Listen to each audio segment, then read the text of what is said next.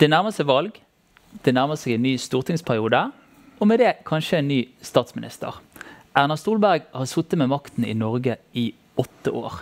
Det har vært i eh, en rekke ulike typer regjeringskonstellasjoner. Først Høyre og Fremskrittspartiet, så Høyre, Fremskrittspartiet og Venstre. Så Høyre, Fremskrittspartiet, Venstre og KrF. Og, og nå Høyre, Venstre og KrF. Eh, hvordan har Norge forandret seg i disse årene med Erna Solberg som statsminister? Hva har skjedd med helsevesenet vårt, hva har skjedd med skolen vår? Hvordan har ulikhetsutviklingen vært? Kort sagt, hva er arven etter Erna? Det skal vi undersøke på denne boklanseringen i samarbeid mellom Respublika Forlag og Tankesmien Agenda. Mitt navn er Trygve Svensson, eh, og jeg eh, har lyst til å ønske alle sammen hjertelig velkommen. Og ikke minst du, Vegard Harsvik, som er forfatter av denne boken. Hjertelig velkommen til deg òg. Tusen takk. Hvordan har du det? Det er spennende. Eh, og det er alltid morsomt å, å, få lov til å presentere noe som man har jobba med såpass lenge som jeg har gjort med denne, med denne boka. Det er jo resultatet av observasjoner og ting jeg har skrevet og holdt på med i, ja, i nesten, nesten åtte år. da. Du har jo jobbet med norsk politikk lenge, kan man si. Mm. Fullt norsk politikk tett. Du har vært politiker, nå er du i LO. Eh, hva, hva, hva, var motivasjonen din for å skrive boken? Eh, den offentlige samtalen er jo flyktig og fragmentarisk i våre dager. Eh, vi leser om en ting eh, i dag, debatterer den heftig i morgen, og det er tema for uh, debatten og Dagsnytt 18. Og så går det mot uh, klimaks og forlik i Stortinget, og man vedtar et eller annet, og så haster man videre til uh, neste sak som, som opptar offentligheten. og det er litt sjelden at man tar seg tid til å summere opp da, hva er, hva er summen av alle de sakene som man var så engasjert i og var så opptatt av eh, enkeltvis. Eh, og Erna Solberg sa noe i 2013 eh, som for så vidt Jens Stoltenberg også pleide å si, at eh, eh, forskjellen mellom en regjering fra høyresiden og en regjering fra venstresiden er ikke så stor fra dag til dag, men over år, over en stortingsperiode, over to stortingsperioder, så blir den forskjellen eh, betydelig. Ja, fordi det som slår meg, Jeg har jo lest noen av de andre bøkene du har skrevet, og de har handlet eh, F.eks. ordet makt om eh, det politiske spillet, dag-til-dag-kampen, dragkampen, om sannheten, kan du mm. si. Litt sånn mm. døgnflueoffentligheten, da. Mm. Dette er et litt annet prosjekt? Dette er et forsøk på å si, oppsummere og analysere politikken som interessekamp. Altså ikke politikken som et spill eh, som eh, kommentatorer og, og, andre ser på politikere som er strateger som flytter rundt på politiske saker som, som brikker, brikker, i et spill. Eh, men i bunn og grunn så er jo politikk interessekamp. Det er kampmakt eh, mellom eh, partier som representerer ulike interesser i samfunnet. Og jeg forsøkte å, å gå litt tilbake i tid og trekke linjene da. Eh, helt tilbake fra man, man starta med partivesen eh, og, og fram til i dag, og ser hvordan ulike partier kanskje særlig partiet Høyre eh, har eh, opptrådt som et interesseparti for enkelte grupper i samfunnet, mens andre partier har stått på fagbevegelsen og vanlige folks side. Da. Ja, for Det var jo noe som slo meg når jeg begynte å lese. Plutselig dukker det opp et maleri av Theodor Kittelsen. Mm. Og du tenker at det på en eller annen måte er relevant en dag i dag? Det henger vel, eh, i hvert fall én versjon av det, som henger i Folkets hus i, i Trondheim. Eh, som jeg pleier å titte på når jeg, når jeg er innom der. og bildet er jo gjengitt i, i boka. Eh, og det er vel et av de første maleriene som eh, tar for seg arbeiderbevegelsen i Norge. Jeg tror det er malt i 1879 og heter 'Streik'. Og det er da de eh, arbeiderne som står bokstavelig talt da med lua i handa på mm. verkseierens kontor Eh, og kommer da med, med, sine krav om eh, lønn og bedre vilkår. Stusslig, De ser litt stusslige ut? da. Litt stusslig. Tranitterbevegelsen er nettopp eh, slått ned. Eh, men dette er altså den, den gryende arbeiderbevegelsen. Mm. Eh, og de står der, tross alt, og de står der sammen. Og så bygde de fagforeninger på tvers av virksomheter. De bygde forbund på tvers av uh, yrker og landsorganisasjon. Uh, og de bygde også politiske partier som skulle være deres arm mm. inn i det politiske. Der uh, ting ble avgjort som ikke ble avgjort da på forhandlingsbordet. Da. Mm. Ikke sant? Kan barna mine gå på skole? Hva skjer når man blir gammel? Hva skjer når man blir syk? Den klassiske motsetningen mellom arbeid og kapital. Si. Ja, og, det, og det, Denne historien har man på en måte hørt. Eh, I hvert fall vi som har bakgrunn fra bevegelsen, Vi har hørt den historien. Eh, men det man ofte ikke har med seg, det er den andre delen av historien.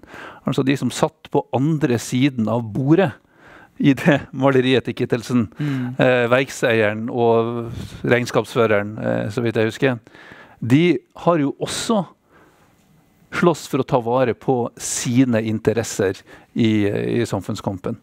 Eh, og jeg siterer vel Per Fugelli, som, eh, som sier at eh, velferdsstaten har ikke ramlet ned fra himmelen på en eh, sølvtallerken. Den er et krigsbytte. Mm. Det er et resultat av interessekamp. Eh, altså Tankene mine gikk jo litt til eh, salige Stein Rokkan òg. Altså som rett og slett hadde en veldig sånn skjematisk Det er jo òg en modell som kanskje vi ikke snakker Det er ikke så ofte du leser eh, kommentarer i avisene eller hører politiske analyser som tar utgangspunkt i den modellen, at de norske partiene fremdeles representerer ganske satte interesser i det norske samfunnet. Så det, er, det, det er et slags hovedprosjekt for deg? Ja, jeg mener at du kan, eh, du kan tydelig se at uh, i hvert fall noen partier uh, tydelig representerer interesser i samfunnet. Og så er jo alle som er aktive i politikk, har jo selvsagt en ideologi, og man har andre verdier som, som, spiller inn. Men det er forbausende ofte sånn at når det kommer til stykket, så er det interesser som avgjør eh, hvor man eh, lander hen, hvem man, eh, hvem man, representerer. Så for de som sitter og lurer på og tenker skal jeg ta, skal, er, det, er det bryet verdt å, å, å, å, skaffe meg boken fra Republika forlag, 'Arven etter Erna'? Um, hva si? Hva er, liksom, hva er ditt fremste salgsargument? Nei, eh, det er jo for alle som, som skal ut eh, og diskutere politikk.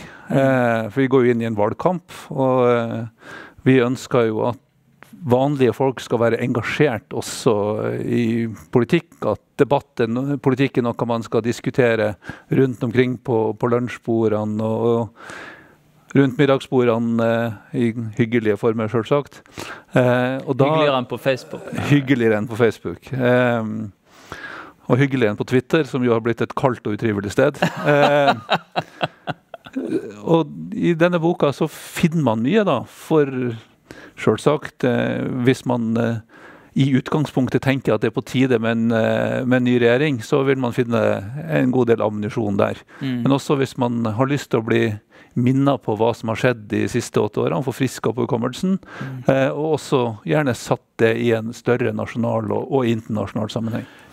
Nå er jo dette det er primært en boklansering og ikke en politisk debatt. Men du vil jo kanskje kunne møte altså Du vil vel få lesninger som sier ja, dette er veldig farget av hvor Harsvik står hen. Han er han hører hjemme, han har tilknytning til Arbeiderpartiet. det er klart. Eh, og, og, dermed liksom blir avskrevet litt ut ifra hvor du kommer fra? Altså det, det, er jo delvis sånn, selvsagt. Altså jeg jobber i fagbevegelsen og har valgt å bruke store deler av livet mitt da, på å jobbe for arbeidsfolk og, og vanlige folks uh, interesser på, på ulike arenaer. Det er det prismet som jeg ser politikk gjennom, og det farger selvsagt også mm. også boka. Men det, det, er jo mye fag.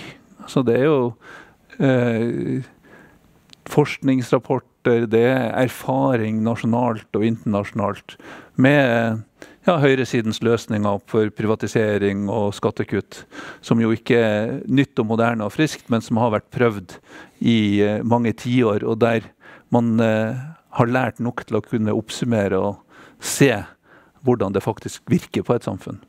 Du, eh, Vegard, om, om, en stund så skal vi slippe til et par andre her på scenen. Politisk kommentator Berit Aalborg fra Vårt Land og Ingvild Kjerkol som er stortingsrepresentant. Men noen spørsmål til først. Um, hvis jeg bare, altså Tittelen 'Arven etter Erna'. Hva, hva, er arven etter Erna? Hva er den viktigste arven etter Erna, sånn som du ser det? Eh, forskjellene har økt eh, i Norge. Eh, og så har jo Høyre hatt en ambisjon jeg eh, vet ikke om man skal kalle det Linda Hofstad Helland-doktrinen. Eh, om at man skal klemme så mye tannkrem ut av tuben at ikke bare Arbeiderpartiet kan komme og putte det tilbake igjen, som hun vel sa om, om eh, det de har gjort med, med norsk jernbane. Men man har hatt et ønske om å gjøre strukturendringer i Norge. Mm. Eh, og det har man fått til. Eh, så det som er solgt, det er solgt. Eh, og disse 43 milliardene i kutt, det er endringer som det er vanskelig å gjøre om fra et statsbudsjett eh, til, til et annet. Vi har fått et flatere skattesystem. Eh, og så På hvilken ja. måte har forskjellene økt? Hva er det viktigste du vil trekke fram? Så man har jo med kirurgisk presisjon delt ut skattekutt. Ikke bare til de som har mest fra før, og ikke bare de som har aller mest fra før, men til de som har aller, aller, aller mest fra før. Eh, det ganske lille antallet eh, veldig rike i Norge har fått. Eh, og så har man vært konsekvent hardere i klypa mot folk som i kortere eller lengre perioder har bruk for eh, en eh, ja, hjelpende hånd fra, fra, fra samfunnet. Eh, og så, Siden du spør om hva slags endringer og hva arven er, så vil jeg si at det som har skjedd med Fremskrittspartiet, at man har tatt inn Fremskrittspartiet eh, i varmen og gitt dem de viktigste vervene som vi har i dette samfunnet. Og gitt dem eh, makt og eh, styring over ja, justisministerposten, finansministerposten, arbeidsministeren. Helt sentrale eh, deler av det, det norske samfunnsmaskineriet. På tross av eh, at eh, man har Eh, til, til tider stått for ganske utrerte ting eh, i, i, det offentlige ordskiftet. Men er ikke det litt sånn som folk kanskje trekker litt på skuldrene av nå, da? Nå har Frp sittet i regjering, de har prøvd seg, og gikk det så gale, på en måte? Eh, jeg tror jo at, at, det gjør noe med samfunnsdebatten i Norge. At man sier at OK, du snakker om at uh, du frykter et nytt korstog. Du lefler med det tankegodset. Likevel kan du som Per-Willy Amundsen bli øverst ansvarlig for statens voldsmonopol i Norge. Du sier som Sylvi Listhaug at Arbeiderpartiet setter hensynet til terroristene høyere enn sikkerheten til det norske folk. Likevel kan du hentes tilbake i regjering og, og få oppgave eh, om å styre landet vårt. Eh, og det tror jeg gjør noe med klimaet i samfunnsdebatten. Det tror jeg forandrer eh, den offentlige samtalen. Eh, og her, du, Dette skriver du om, og da skriver du jo eh, et ganske interessant kapittel egentlig om høyrepartiene internasjonalt. Mm. Og, det, og, det, eh, og, det, har slått meg eh, som veldig spesielt at eh, du viser at eh, Høyre har et utstrakt samarbeid med partier som, søsterpartier i alle land, inkludert republikanerne i USA. og i Norge så har vi jo en nesten frenetisk USA-interesse. Mm. Vi, vi, dekker den minste ting i amerikansk politikk. Men denne koblingen er det ganske lite oppmerksomhet rundt.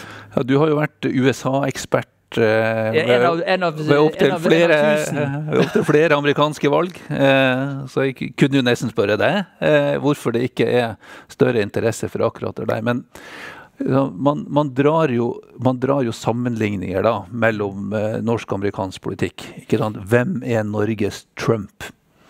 Eh, og Vi husker jo hvordan Civita særlig har prøvd å stemple Trygve Slagsvold Vedum som Norges Trump.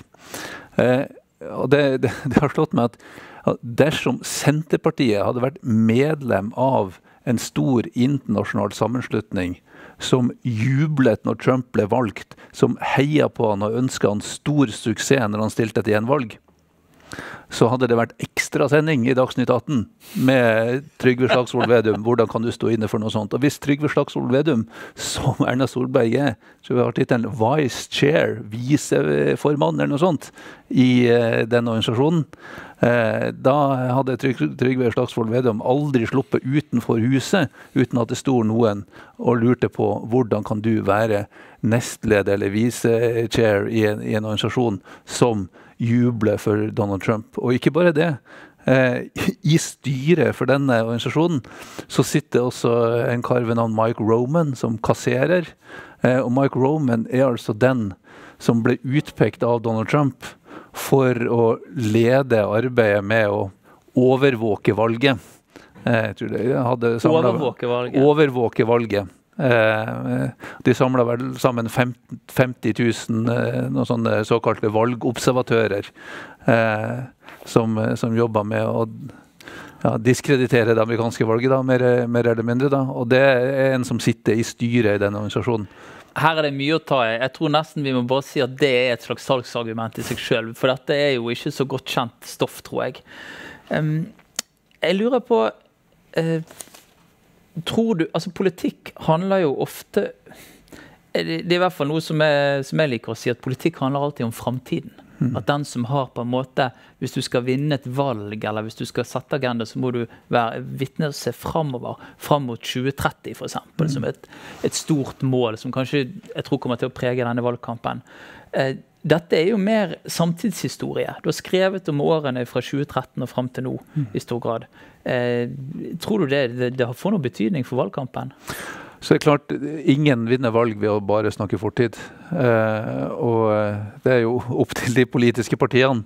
Eh, de rød-grønne politiske partiene for min del, da, å, og peke framover og, og, løfte fram sine saker. Men eh, jeg hørte, hørte, det brukt som, som, eksempel i en debatt her en dag at du Om du kommer inn eh, og, og, ser eh, episode tre i fjerde sesong av Game of Thrones, eh, så skjønner du ingenting. Så hvem, Rett inn i The Red Wedding, for eksempel. Hvem er disse folka? Hvorfor hater disse folka disse folka? Eh, hvorfor er disse folka på lag med disse folka? Eh, og hva er på gang mellom de to, og hva med dragene? Ikke sant? eh, sånn at, at eh, du må liksom ha med deg konteksten for å kunne analysere samtiden og, og se framover.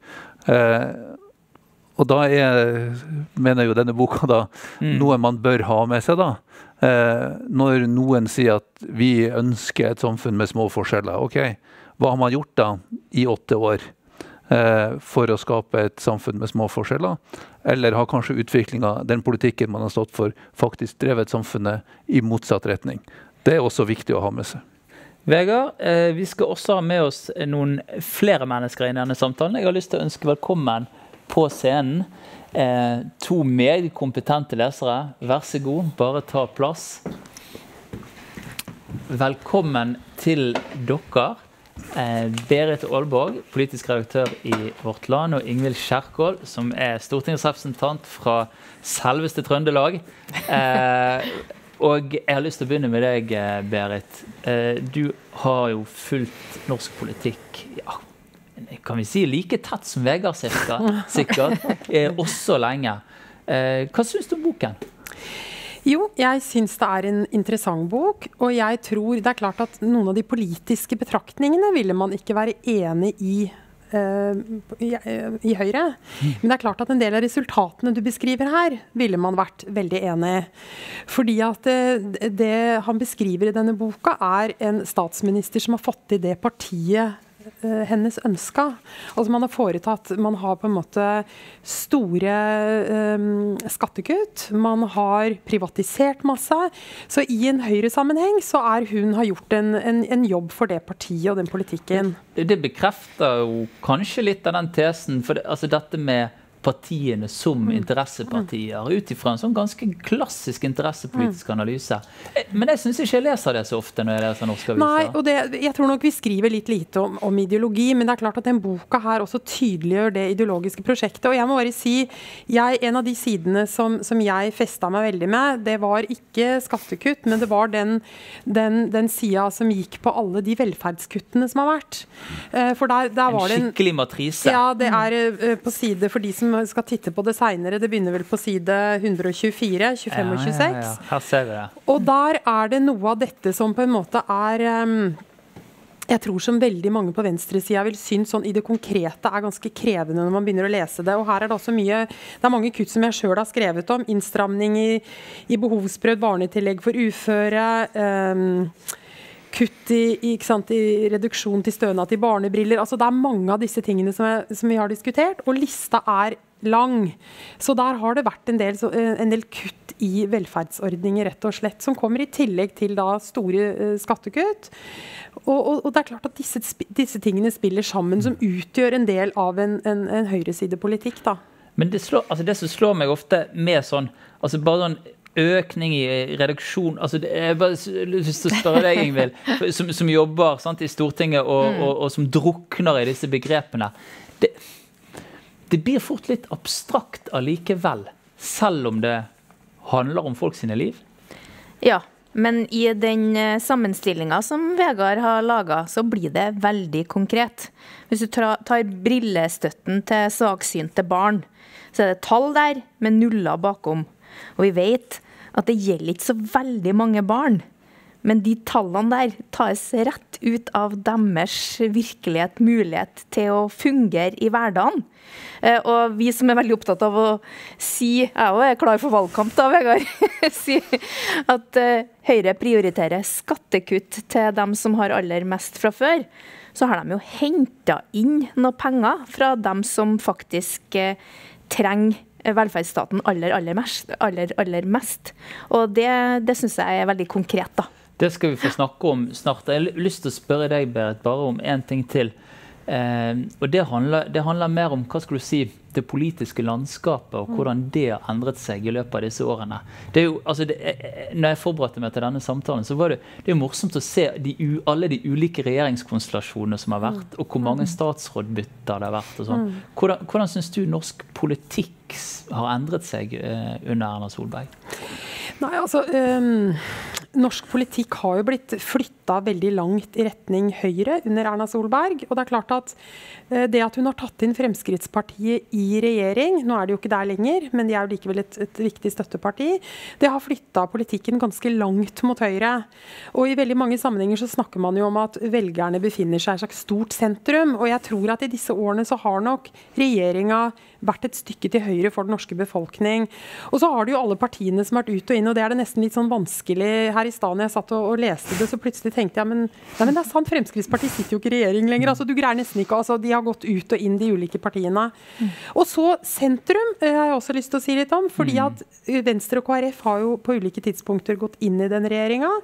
Og de er jo blitt veldig endra som partier gjennom de veldig krevende, særlig KrF, men også Venstre, gjennom de krevende rundene de hadde. Og så har de avskalla veldig på den mer kan vi si, eh, radikale, liberale sida. Det har begge de partiene mm. gjort.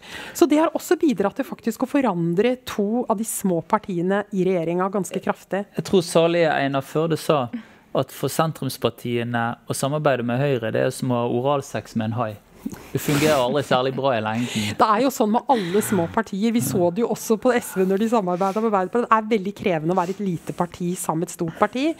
Men det er klart at de dramatiske sidevalgene som ble tatt, de gjorde noe veldig med identiteten til de to partiene. Mm det som er en av ambisjonene med denne boka, da, det er jo å gjøre ja, nettopp å, å, flytte debatten over på politiske saker og på konsekvensen av politiske saker for vanlige folk og for eh, enkeltpersoner. Når, når boka heter 'Arven etter Erna', så er det jo litt meta, da. Fordi at det første kapitlet er jo et slags oppgjør med den personfokuseringa som eh, vi dessverre til tider har i, norsk politikk, mm. og som skygger for politikken. Mm. Eh, Men det er, litt, det er nysgjerrig for hva både, egentlig både Ingvild og Berit tenker om. Hva, hva, du må jo møte det ganske ofte, dette at person på en måte ofte blir viktigere enn politikk.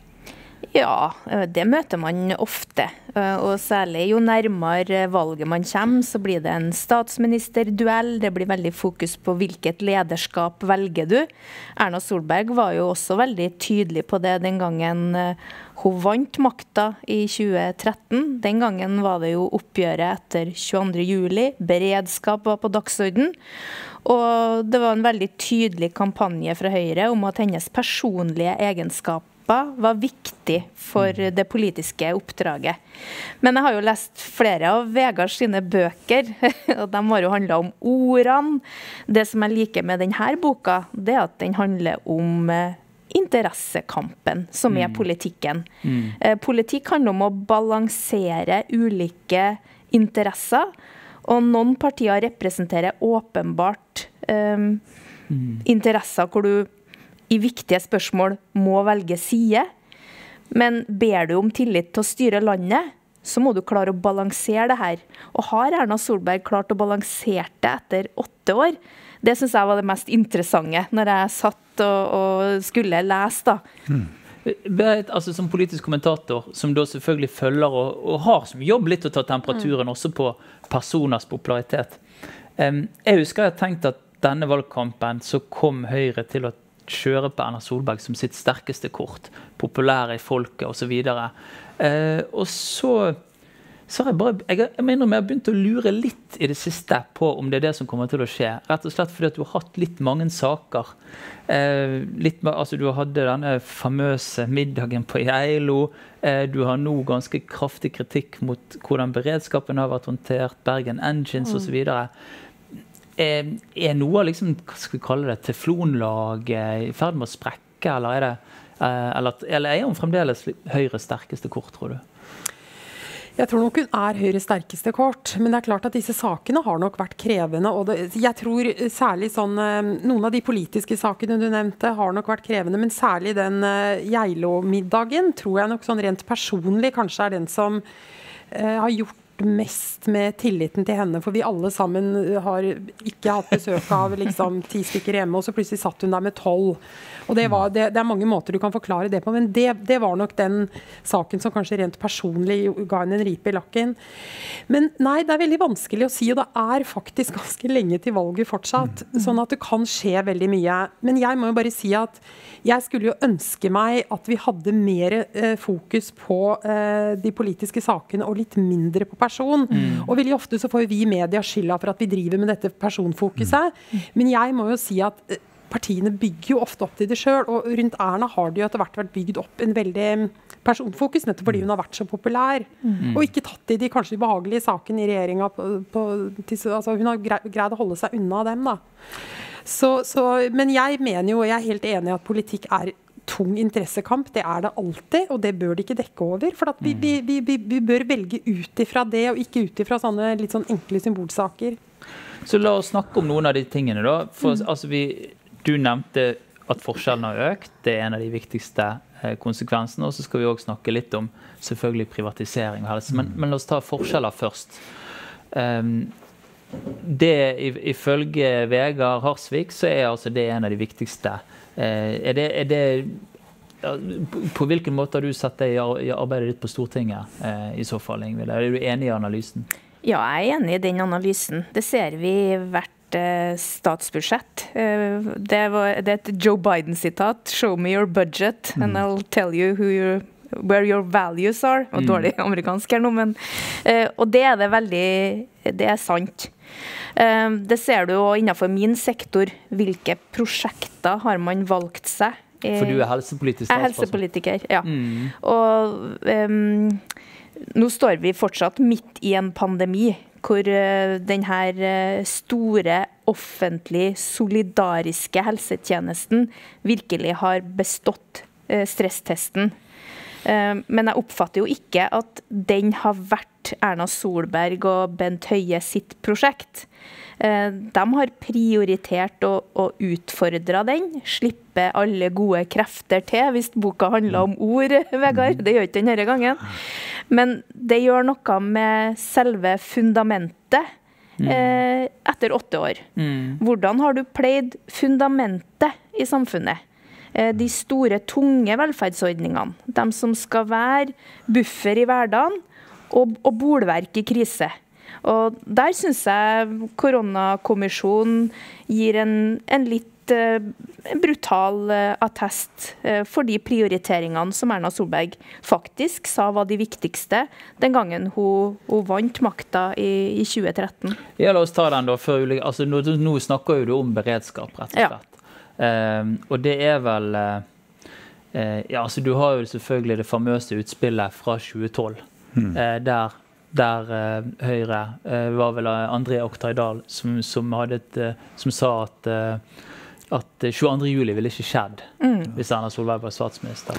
Det var, vel, var ikke riktig så ille, men at 22.07 ville blitt håndtert på en bedre måte, eller noe sånt, at hennes personlige egenskaper ville ha gjort at overblikk og så videre. Det er, noe, det er vel sitert. Du skriver om det her. Ja, ja og det, der, der, finner du, finner du det nøyaktige sitatet mm. eh, i, i, boka. Og det, eh, og det var jo kanskje det sterkeste løftet som ble gitt i, i 2013, og igjen i 2017. Der eh, det ble sagt at Høyre var det eneste partiet som gikk til valg på å styrke beredskapen.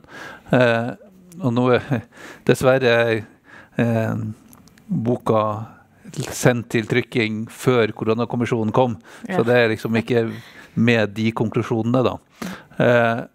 Men det er kraftig kritikk fra Riksrevisjonen igjen og igjen og igjen eh, på at man ikke har levert på det man sa man skulle levere på de truslene som eh, på en måte var klare og identifisert. Mm. Eh, og så kom, eh, som vi hadde vært utsatt for tidligere. Og så kom koronaen, mm. som eh, var en ny ting, men som var varsla. Mm. Og så, så, var man heller ikke, ifølge koronakommisjonen, eh, for, forberedt, forberedt, på det. Ja.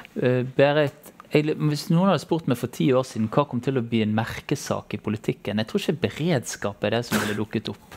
Men altså, vi har hatt vi har terror, vi har hatt pandemi, vi har hatt mange ulike ting som gjør at evne, en politikers evne, eller et samfunns evne til å sikre beredskap, plutselig har seilt opp som ganske viktig.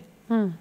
Ja, og det er det, og, og, det som kanskje på en måte er litt overraskende, er altså før 22.07. så da var vi nok ikke så forberedt på at det skulle komme store på en måte, terror og kriser. Men den gangen så forsto jo alle at det neste som skjer, er ikke akkurat det samme som skjedde nå. Mm. ikke sant? Altså, og det neste som skjer oss, som vi må ha beredskap på, er ikke det samme som skjedde under koronakrisen. La oss si vi ser fem, ti år frem i tid. Mm. Så det er klart det at beredskapen blir viktigere. Og eh, jeg håper jo liksom veldig at man greier å se litt breiere fremover nå. Men det er nesten litt overraskende at man ikke greide å se andre ting enn akkurat det som var med terror. For det har vært ekstremt terrorfokus, egentlig, hvis vi ser på det fram mot pandemien, mm. som egentlig var eh, en ting som var spådd av veldig mange. Altså, det lå jo nesten opp i dagen at det kom til å komme en pandemi. Det er jo store sykdommer i jevne mellomrom, og, og, og eh, vi reiser mye, ikke sant? så det sprer seg jo som ild i tørt gress. Tankesmien Agenda skrev et notat om det eh, et år før. ja. Ja, det er mange som har påpekt ja, og det. Er mange, det, mm. selvfølgelig. Og vi var inspirert av DSP. Mm. Eh, Ingvild, hvis du vil, eh, skal tenke framover, hva er det som skal til for å gjøre Norge tryggere? Må, det som beskytter oss best i kriser, det er trygghet for eh, inntekt, det er trygghet for helsa. Nå ser vi at et lite virus kan slå ut bedrifter, det kan eh, true inntekter til folk. Og i ytterste konsekvens så kan det òg føre til lidelse og død hvis du ikke får den hjelpa du trenger når du blir syk. Så vi er nødt til å bruke mer penger på beredskap i det daglige, i velferdsstaten. Eh, en helsetjeneste må ha god finansiering av de akutte tjenestene, de kostbare tjenestene, de som ikke er egnet for stykkprisfinansiering, for konkurranseutsetting og privatisering. For det er liksom Det er der tryggheten eh, ligger når krisa rammer neste gang. Og eh, Vegard skriver om Lombardia i mm. Italia, som har eh, drevet med fritt behandlingsvalg, som der, Bent Høie holdt på med. Der pandemien virkelig ja. liksom eksploderte i Europa. Ja. Mm. Og hvor de hadde lav intensivkapasitet, få akuttplasser og få respiratorer. Fordi eh, sykehusene ble brukt til de friskeste pasientene. Mm. sant? Um, og det må vi lære av. Det går ikke lenger. Da er det interesse det, det er interessekamp, det òg. Mm. For da er det viktigere å slippe flere ting til, flere aktører til, enn å ivareta kjernen. Der er vi vel inne. Det er vel en av grunnene til at det er fint å ha en helsepolitiker i panelet, Vegard. Fordi at du skriver mye om helsevesenet og privatisering av helsevesenet. Ja. Eh, og Lombardia har erfaringer fra Sverige, mm. eh, fra nabolandet vårt som som i utgangspunktet ganske likt Norge. Ja, og som, og som eh, i Stockholm f.eks. har hatt eh, et eh, fragmentert og gjennomprivatisert kan si, førstelinjetjeneste. da, eh, Med lav fagkompetanse, lav stillingsprosent, dårlig ansettelsestrygghet eh, osv. Som har gjort det veldig vanskelig å ha oversikten og veldig vanskelig å, å drive, å drive kompetent be, behandling. Da. Så det har jo, det har jo vært et, et skoleeksempel da, på hvordan ja, det, det, norske helsevesenet tross alt har, har tålt eh, og, og, stått imot eh, veldig bra. Da. Så det du, det du prøver å si, er at altså, du advarer på en måte mot svenske tilstander i helsevesenet hvis Ja, og det Altså, vi, vi, vi har jo nå um, eh, hatt eh, en Høyre-leda regjering i åtte år, men i kommuner og fylker eh, så har det jo vært veldig mange eh, andre flertall. Eh, sånn at det har jo ikke vært noe entusiasme for å privatisere primæromsorgen, privatisere sykehjem eh, og sånt i Norge. Det har skjedd i, i veldig liten grad mm. eh, at man har sluppet til kommersielle der, da. Man har jo alltid hatt et ideelt supplement i, i, i norsk, norsk, velferd.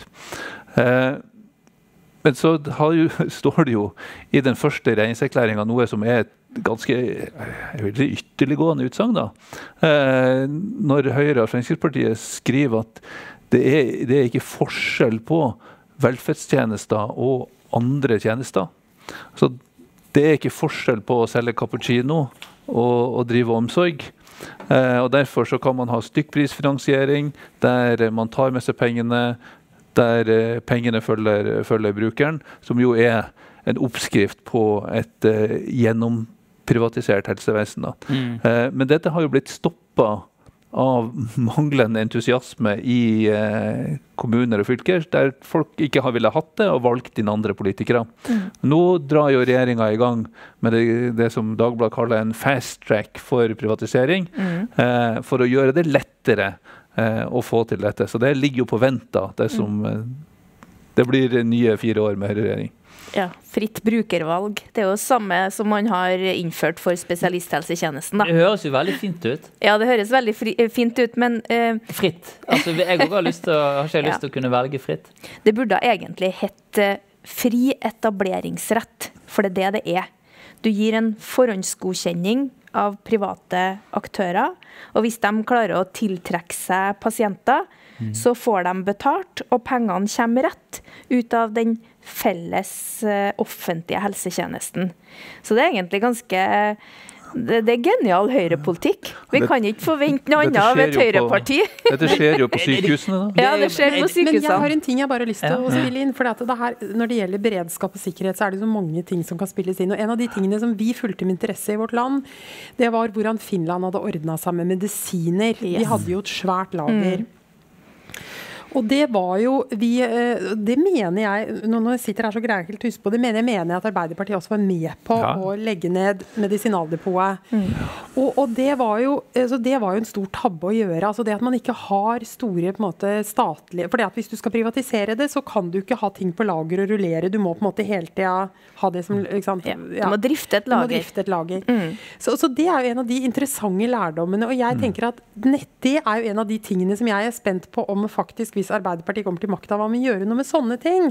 For det er klart at Forrige gang når vi hadde Willoch-regjeringa, så var det mye som blei privatisert, og mye fortsatte også på samme, på samme måte. Så det som jeg ser, tenker er veldig interessant, er hvor mye et Arbeiderparti, Senterparti, SV eller hvem det er som blir sittende i regjering, kommer til å endre på sånne ting. Mm. Det, det tenker jeg er eh, veldig interessant. Og det, akkurat i forhold til beredskap er det ganske viktig at det blir gjort noen grep, i hvert fall.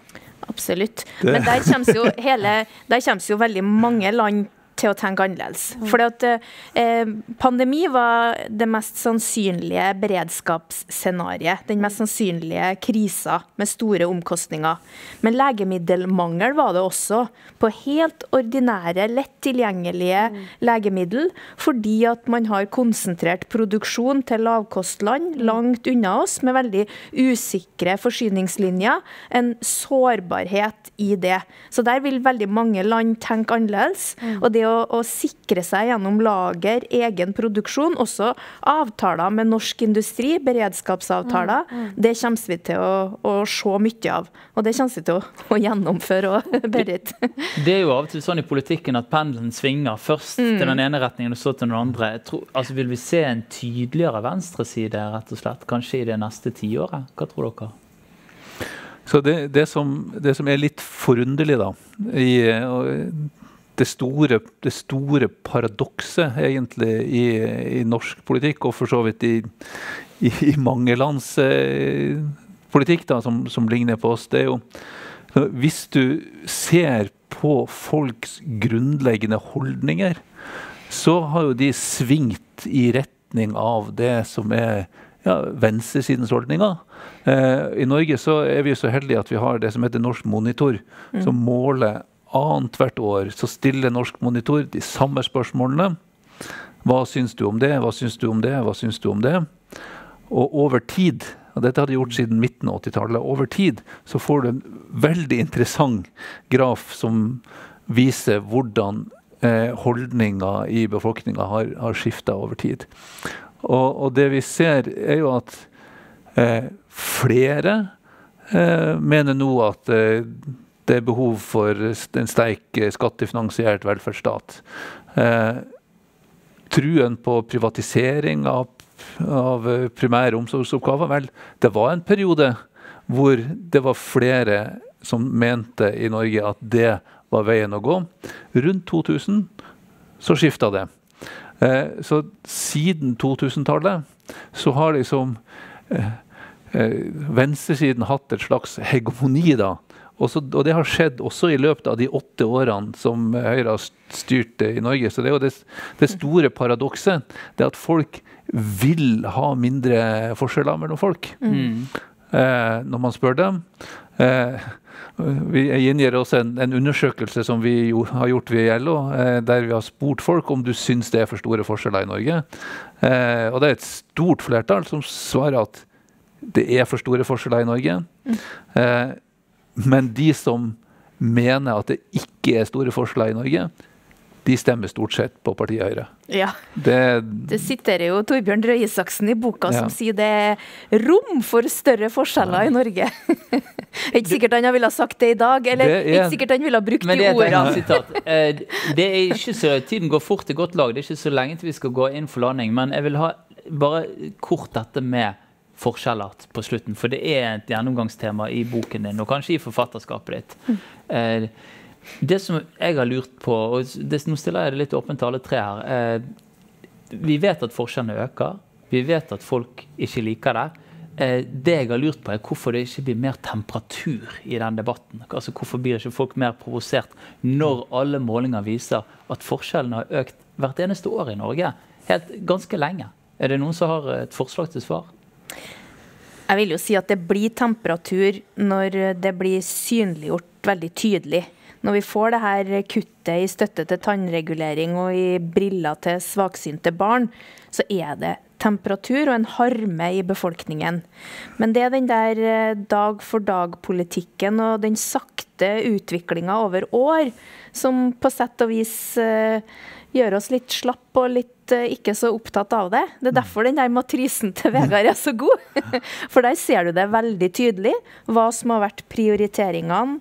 Uh, og hva som er interessekampen, og hva en høyreregjering gjør. Og de har jo levert høyrepolitikk. Absolutt. Bare, bare si det er jo flinke samfunnsøkonomer i LOs økonomiske avdeling som har eh, lagd denne løpende omvendte Robin Hood-listen, som, som, den heter. Det, mm. det, er ikke bare Harsvik som har, som har konstruert det, da. eh, men, eh, men eh, det er Kanskje fordi at det er få som fylker til strid på den andre siden. Mm. Altså, eh, vi har en politikk som faktisk fører til større forskjeller. Mm. Eh, men du har få som er villige til å stå opp i offentligheten og si at det er målet med politikken vår. Det er å forsvare det, ja. rett og slett. Mm. Ja, og jeg eh, tror heller ikke nå, For nå ser vi jo på det du legger frem, men også tallsmessig vi har lagt frem mm. over tid, at det blir større forskjeller. Mm. Og jeg tror ikke at kanskje Røe Isaksen ville sagt det samme i dag, det vet jeg jo ikke, men jeg vil bare anta det. fordi den ene tingen er at politikk er interessekamp. Den andre tingen er at hvis du ser historisk på samfunn som får for store forskjeller, mm. Mm. så er det et samfunn som blir urolig. Altså Jeg er sjøl historiker og har drevet og studert samfunn der hvor forskjellene blir for store. Du ser det i USA, du ser det i mange land. Det blir rett og slett urolig og destabilisert som samfunn.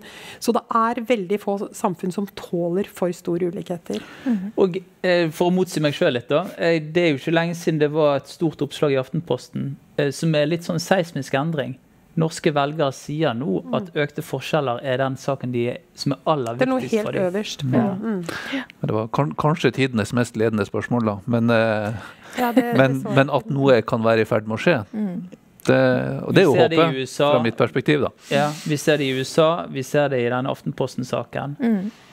Men jeg må si at jeg ble litt overraska når jeg forsto at forskjellen i Norge var, altså de økte forskjellene i Norge var såpass like de som er i USA. Mm. Det hadde jeg ikke trodd. Men det har jo også noe med å gjøre at ene tingen er hva vi får faktisk av lønn og skatt og alt det der. Og så har vi jo helt andre eh, velferdsordninger som gjør at man demmer opp på den andre sida fortsatt for noen av de ulikhetene som er i inntekt og eiendom. Ja, noe skyldes vel det, Trygve, eh, som Tankesmien har vist, at folk vet jo ikke hvor store ulikhetene i Norge faktisk er.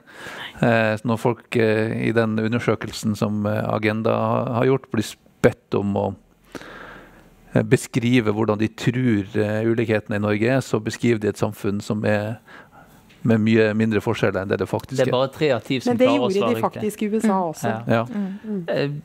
Berit Aalborg, Eh, hvis du skal eh, trekke fram én ting, en grunn til at folk eh, kunne ha interesse av å ta en titt på denne boken, hva skulle det vært? Ja, jeg syns det er en interessant bok. Jeg tror faktisk både Erna Solberg og Arbeiderparti-velgere vil ha interesse av å lese den. Jeg syns det er en spennende bok. Jeg vil slå et slag også for å se på den tabellen. Den er det ikke sikkert Erna liker så godt, men, men jeg, tror, jeg, jeg syns det er en interessant og spennende bok, så jeg vil absolutt anbefale å lese den.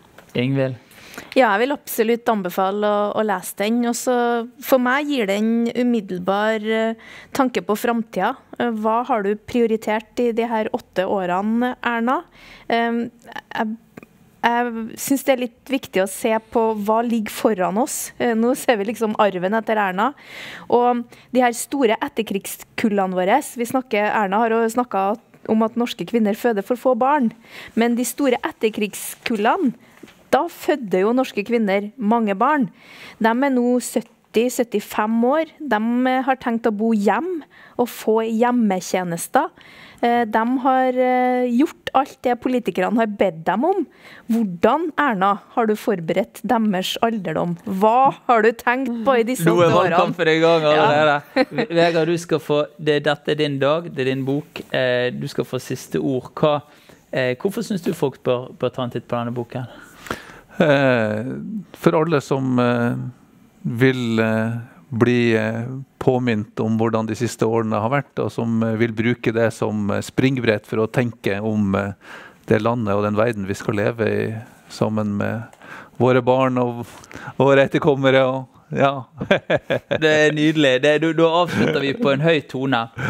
Kjære alle sammen som har sett på. Eh, det, det, nå skulle vi fortsatt diskusjonen ut i de små timer. På den annen side det er mange hundre som har meldt seg på, og fått på mer enn vi hadde fått plass til her i lokalene på Dattera til Hagen. Arven etter Erna kan du kjøpe på Respublika sine nettsider. Eh, Norges beste forlag. Eh, og etter hvert når bokhandlene åpner igjen, så kan du selvfølgelig kjøpe den der også. Og jeg er sikker på at hvis du syns dette er interessant og har lyst til å invitere Vegard Harsvik til å holde et foredrag, så er det heller ikke umulig å få til. Tusen takk for oss her fra Dattera eh, til Hagen i kveld.